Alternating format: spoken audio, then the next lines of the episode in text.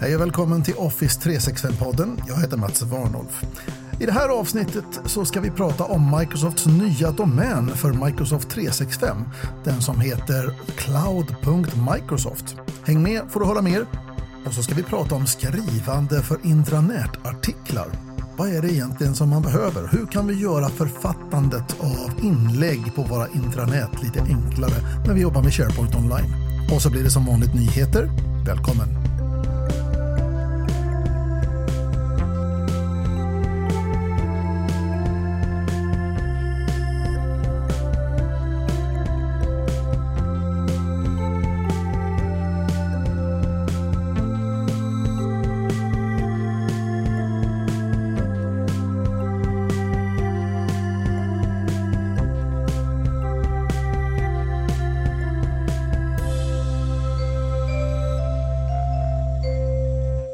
För några veckor sedan berättade Microsoft att de tänker flytta Microsoft 365 från Microsoft.com till en ny domän.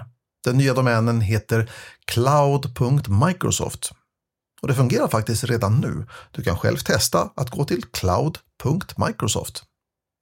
Just nu ligger tjänsterna på en väldig massa olika ställen. OneNote.com, PowerBI.com, Outlook.live.com, Office.com, Login.microsoftonline.com, SharePoint.com. Det här är inte så användarvänligt och säkerhetsmässigt är det också en dålig sak. Det finns inget mönster att känna igen sig i. Så det blir enklare med spoofing, det vill säga att lura en användare att klicka på en illasinnad länk.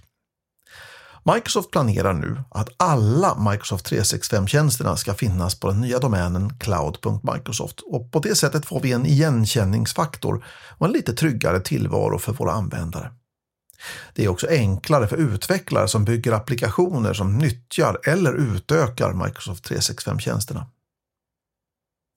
När händer det här då? Ja, du kan redan nå Microsoft 365 startsida på cloud.microsoft. Och kommande tjänster kommer att finnas på den nya domänen redan från början medan existerande tjänster kommer att flytta över tid. Och de gamla URLerna kommer att fungera över tid innan de slutligen försvinner ifrån deras nuvarande adress. Och sannolikt kommer det där sista steget att dröja. Microsoft lovar att underlätta minst 30 dagar innan den gamla URLen tas bort. Men hur är det där med .microsoft? Ja, Microsoft har alltså registrerat sitt varumärke som en ny toppdomän. Vi är annars vana vid nationella toppdomäner som .se och generiska toppdomäner som .com eller .org. Och ja, jag är helt medveten om att alltihopa det här låter som ett aprilskämt eller något ifrån humorsajten The Onion. Men det är alltså helt sant och fungerar som sagt redan idag. Vanliga domäner är enkla att spoofa. Någon kan registrera en domän där ett L ersätts med en etta eller ett i i en URL till ett känt varumärke eller sajt. Och det är sånt som är lätt för en användare att missa i hastigheten. Men eftersom det är mycket svårare att registrera en ny toppdomän så blir det säkrare bara genom den enkla förändringen. Just nu är det bara Microsoft 365-tjänsterna som är aktuella för cloud.microsoft. Alla andra sajter verkar förbli på microsoft.com. Så cloud.microsoft ska alltså enbart användas för sajter som är avsedda för användare där man loggar in för att komma åt någonting. Allting annat blir som sagt kvar på microsoft.com. Vad tycker du om det här? Hör av dig till office365podden varnolf.net.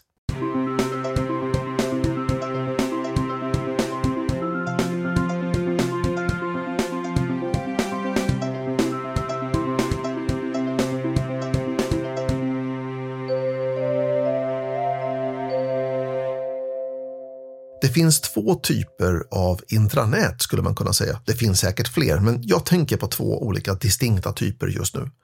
Den första varianten är den där det finns en redaktion, där det finns kommunikatörer som har som arbete att hjälpa till att skriva och formatera och fixa och publicera på ett intranät. Och här använder man oftast då någon klassisk intranätprodukt som Episerver eller motsvarande. Den andra typen av intranät det är den där man lutar sig lite grann mot de anställda. Att de ska själva skriva artiklar och publicera innehåll på intranätet. Och det har ju kommit väldigt mycket i ropet sedan sociala nätverk började och det var ju ett bra tag sedan. Vi är liksom vana vid att publicera information på sociala nätverk och så. Nu menar jag inte att jag vill se bilder på din mat på era intranät och så, utan jag vill att man ska kunna publicera information som faktiskt har någon slags substans, som tillför ett värde för den som läser. För det är egentligen det enda nyckeln till saker och ting, att det tillför ett värde för läsaren. Information behöver finnas i en behållare, en form av något slag. Text, ljud och bild måste lagras i någon form, något format för att sparas till eftervärlden. Och vi har ju övergett lertavlan för länge sedan, så det blir ofta någon typ av datafil. Det kan vara ett dokument i Microsoft Office eller en pdf eller en bild. Och filer är bra, de är portabla, de är lätta att kopiera och därmed lätta att sprida, men de är inte alltid det överlägsnaste formatet när vi pratar om att kunna hitta informationen. Då ställer det till det. Vi är liksom vana vid att få innehåll lite kurerat via de sociala nätverken som Facebook och Insta och så vidare. Då, så beroende på vad jag prenumererar på för information och så. Samma funktioner finns i SharePoint Online där jag kan skapa olika flöden med olika sorters information och publicera och prenumerera på den typen av information som jag är extra intresserad av. I SharePoint Online så skriver vi information på sidor Moderna SharePoint-sidor är enkla att skapa och eftersom de är webbsidor så behöver vi inte bry oss om det tekniska i konsumtionen. Folk är vana vid att använda webbläsare idag och sitter du på mobilen, ja då finns det förstås en SharePoint-app som vi kan använda oss av för att läsa. Så det innebär att vi kan fokusera på själva budskapet och hur det tas emot när jag publicerar information. Vill vi göra det här superenkelt, ja då kan vi till och med malla upp de olika typerna av sidor som jag är intresserad av att skapa. Om du typiskt publicerar information av en viss sort så är du hjälpt av att det finns en struktur. Det kanske finns en introduktion som summerar det du vill ha sagt. Sen finns det en utvikning med detaljer och kanske allra sist någon slags bakgrund till alltihopa med extra information för den som är ny inom ämnet eller för den som vill fördjupa sig ytterligare. Det här kan du skapa i form av en mall. Mallen innehåller de olika delarna med rubriker och en form som gör att läsaren känner igen sig och snabbt kan hitta vad den behöver på sidan. Och hur skapar man en sån här mall i SharePoint Online då? Ja, skapa en ny sida, en nyhet eller en sida. Men istället för att spara den när du har fyllt den med information så väljer du att spara den som en mall. Det är ungefär som du gör i Office. Du kan ta en existerande grej du har skrivit, bara ersätta känslig text med ipsum lorem eller någon annan typ av nonsenstext och sen spara det här som en mall och därmed så får du liksom stor hjälp i starten. Bilder är en annan viktig informationsbärare och du kanske redan vet att man kan skapa ett internt bildbibliotek i SharePoint Online med arkivbilder som rör produkter eller tjänster eller organisationsdelar eller någonting sånt där. Konceptbilder kanske till och med. Och Eh, det är väldigt enkelt att arbeta med. Du kan ha med exempelbilder i din sidmall och därmed egentligen bara högerklicka på dem och välja byt bild och sen så välja någonting från ditt eh, bildbibliotek. En sak som du kanske ska undvika är att ha bilder som dekoration bara. Se till att bilderna som du tar med i dina artiklar och så, att de är relevanta, att de förmedlar mening till innehållet de förstärker någonting, de gör någonting tydligare, de är ett exempel på någonting. Eller också bara ett exempel på en känsla som du vill förmedla, om det nu inte handlar om någon produkt eller någon tjänst eller så. Vi ska egentligen ställa samma krav på bilder som vi gör på text, det vill säga att den måste tillföra någonting. Och texten, det får nog ändå göra det tunga lyftet. Det är texten som ska bära det viktigaste på sidan och för att göra det behöver texten vara effektiv. Det är här de flesta snubblar. Det här är det största hindret för att folk ska publicera information och det är att man är osäker på hur man skriver. Om texten ska lyckas bära det tunga i informationen så behöver den vara effektiv. Och vad menar jag då? Ja, det finns några principer för text som jag lånat av en amerikansk författare som heter William Zinser. Han har skrivit flera böcker på ämnet och han har fyra stycken principer som han brukar slå för och jag tycker att de är så bra så jag tänker repetera dem här. Den första principen är att text behöver vara tydlig. Om jag som läsare inte förstår vad du menar, ja, då går ju liksom själva poängen förlorad. Sinse brukar ibland referera till den här texten som ett exempel. Citat. Just nu uppgraderar vi vår telefonväxel så vi kan vara svåra att nå. Ja, den texten kan man ju tolka som att eh, vi vill att det ska vara svårt att få tag på oss, så därför så väljer vi att uppgradera vår telefonväxel. Men det kan också tolkas som att just nu är vi svåra att nå därför att vi uppgraderar vår telefonväxel. Tänk på orden och vilken liksom, mening de förmedlar. För att vi ska kunna vara tydliga i text så måste det vara tydligt för mig själv vad det är jag faktiskt vill säga för någonting. Och ett bra sätt att få den här tydligheten är att skriva en temarad överst. Du kan radera den när du är nöjd med texten. Temaraden gör egentligen bara tydligt vad det är du ska försöka skriva. Och det här då i en enda rad. De här renläriga människorna de brukar säga så här, ja, temat ska vara sex ord eller mindre eller så. Jag säger använd så många ord du behöver. Men om du känner att du behöver ta upp ett helt stycke med kanske fyra, fem rader för att beskriva vad det är du vill säga, så har du kanske inte tänkt tillräckligt mycket på vad det är egentligen du vill säga. Det är nog kanske inte så tydligt för dig heller. Så gå då tillbaka till ritbordet och fundera ut vad är du egentligen vill säga. Temaraden för det du lyssnar på just nu lyder Det är enkelt och effektivt att skapa en sida i SharePoint om du följer några enkla råd. Den andra principen är att texten måste vara enkel. Det innebär att texten inte ska krångla till det. Du har säkert hört om det här med aktiva och passiva verb. Eller också har du inte det. Verb är ju ord som beskriver sånt man gör som cykla, äta, någonting sånt där. Och man kan hitta passiva verb i formell svenska. Ett exempel på hur man kan krångla till det med passiva verb är att skriva typisk kanslisvenska. Cykling till stranden utgjorde avslutningen på dagen. Lägg märke till att det finns ingen människa i den meningen. Det enda som finns där är en aktivitetscykling. Det finns ingen människa överhuvudtaget. Vem var det som cyklade? Så det absolut enklaste sättet att skriva den raden skulle vara Vi avslutade dagen med att cykla till stranden. Och där finns ett vi med. Människor. Den här meningen beskriver att någon har gjort något. Om du inte kan hitta någon i texten, ja, då är det sannolikt så att du använt dig av ett passivt verb. Så försök att skriva din text så enkel och lättförstådd som det bara går. Ingen förklaring ska behövas, ingen utfyllnad eller överflöd. Einstein uttryckte det här perfekt även om han pratade om någonting annat än text. Han sa så här “Everything should be made as simple as possible, but no simpler”. Den tredje principen är att texten måste vara koncis. Alltså ekonomisk. Var ekonomisk med din text. Lägg inte till ord som inte behövs. Korta ord är bättre än långa, korta meningar är bättre än långa, korta texter är bättre än långa. Fundera ut vad du vill säga, säg det, säg inte mer. Det finns förstås massor med exempel på motsatsen, men det är ändå en bra regel. Många texter vi läser kan kortas ner till hälften utan att meningen går förlorad. Det här kan du testa själv med någonting du har skrivit. Börja med att stryka den första meningen och kolla ifall du har förlorat någonting viktigt. Går det fortfarande att förstå vad du vill säga trots att du har tagit bort den första meningen? Om det gör det, ta din överstrykningspenna och gå igenom din text en gång till och så stryker du över allting som du tror att du kan ta bort utan att förlora mening.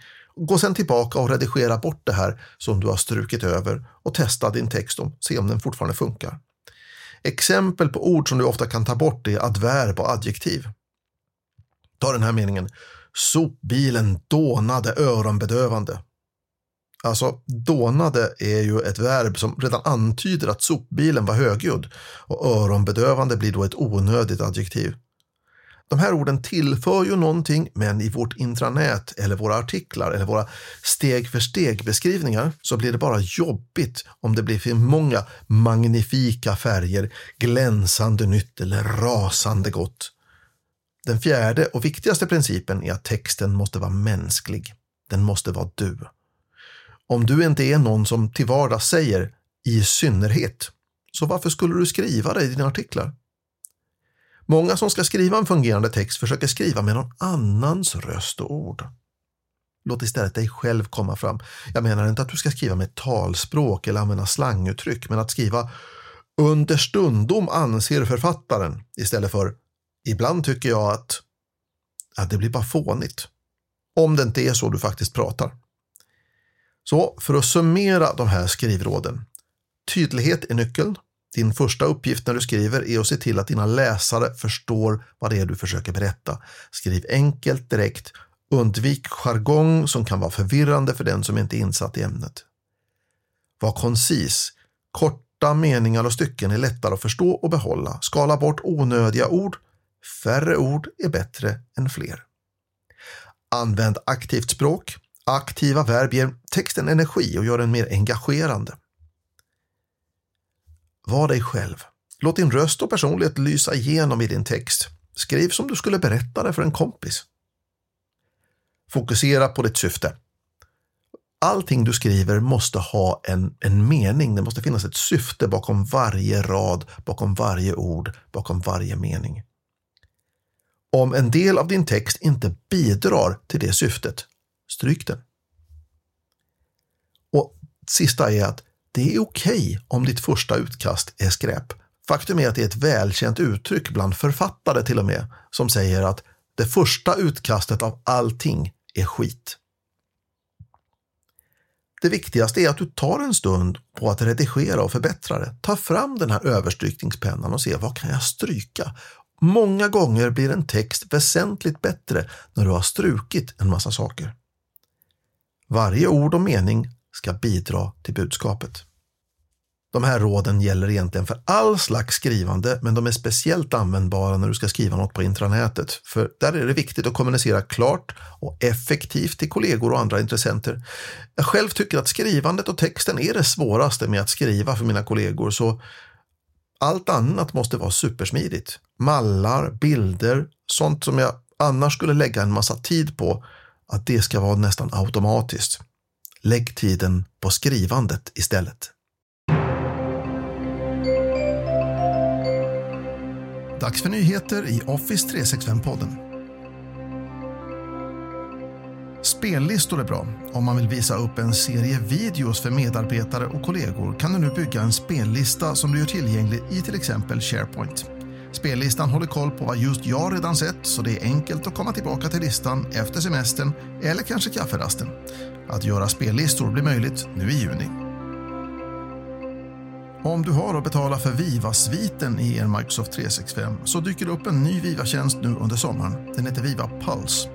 VivaPulse är ett nytt sätt att samla feedback från kollegor och medarbetare. Under juni och juli dyker VivaPulse upp och då kan vi använda mallar för att enkelt be om feedback och kunna mäta engagemang och nöjdhet.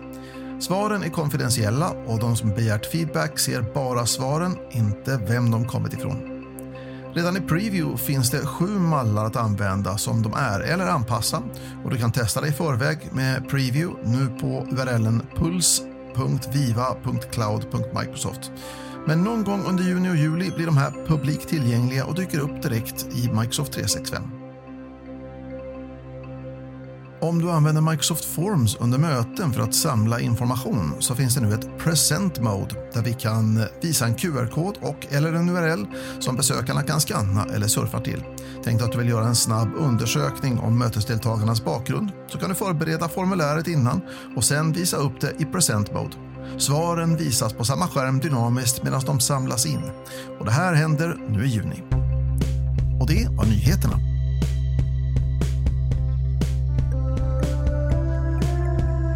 Ja, det var allt för Office 365-podden för den här gången. I nästa avsnitt så träffar vi Sven Engborg från företaget DoRight som pratar lite grann om sin bakgrund och varför det blev Microsoft 365 som han skulle ägna sig åt. Jag heter Mats Warnolf. Har du tankar, frågor eller motsvarande får du jättegärna skicka dem till office365-podden at varnolf.net. Ha en trevlig sommar!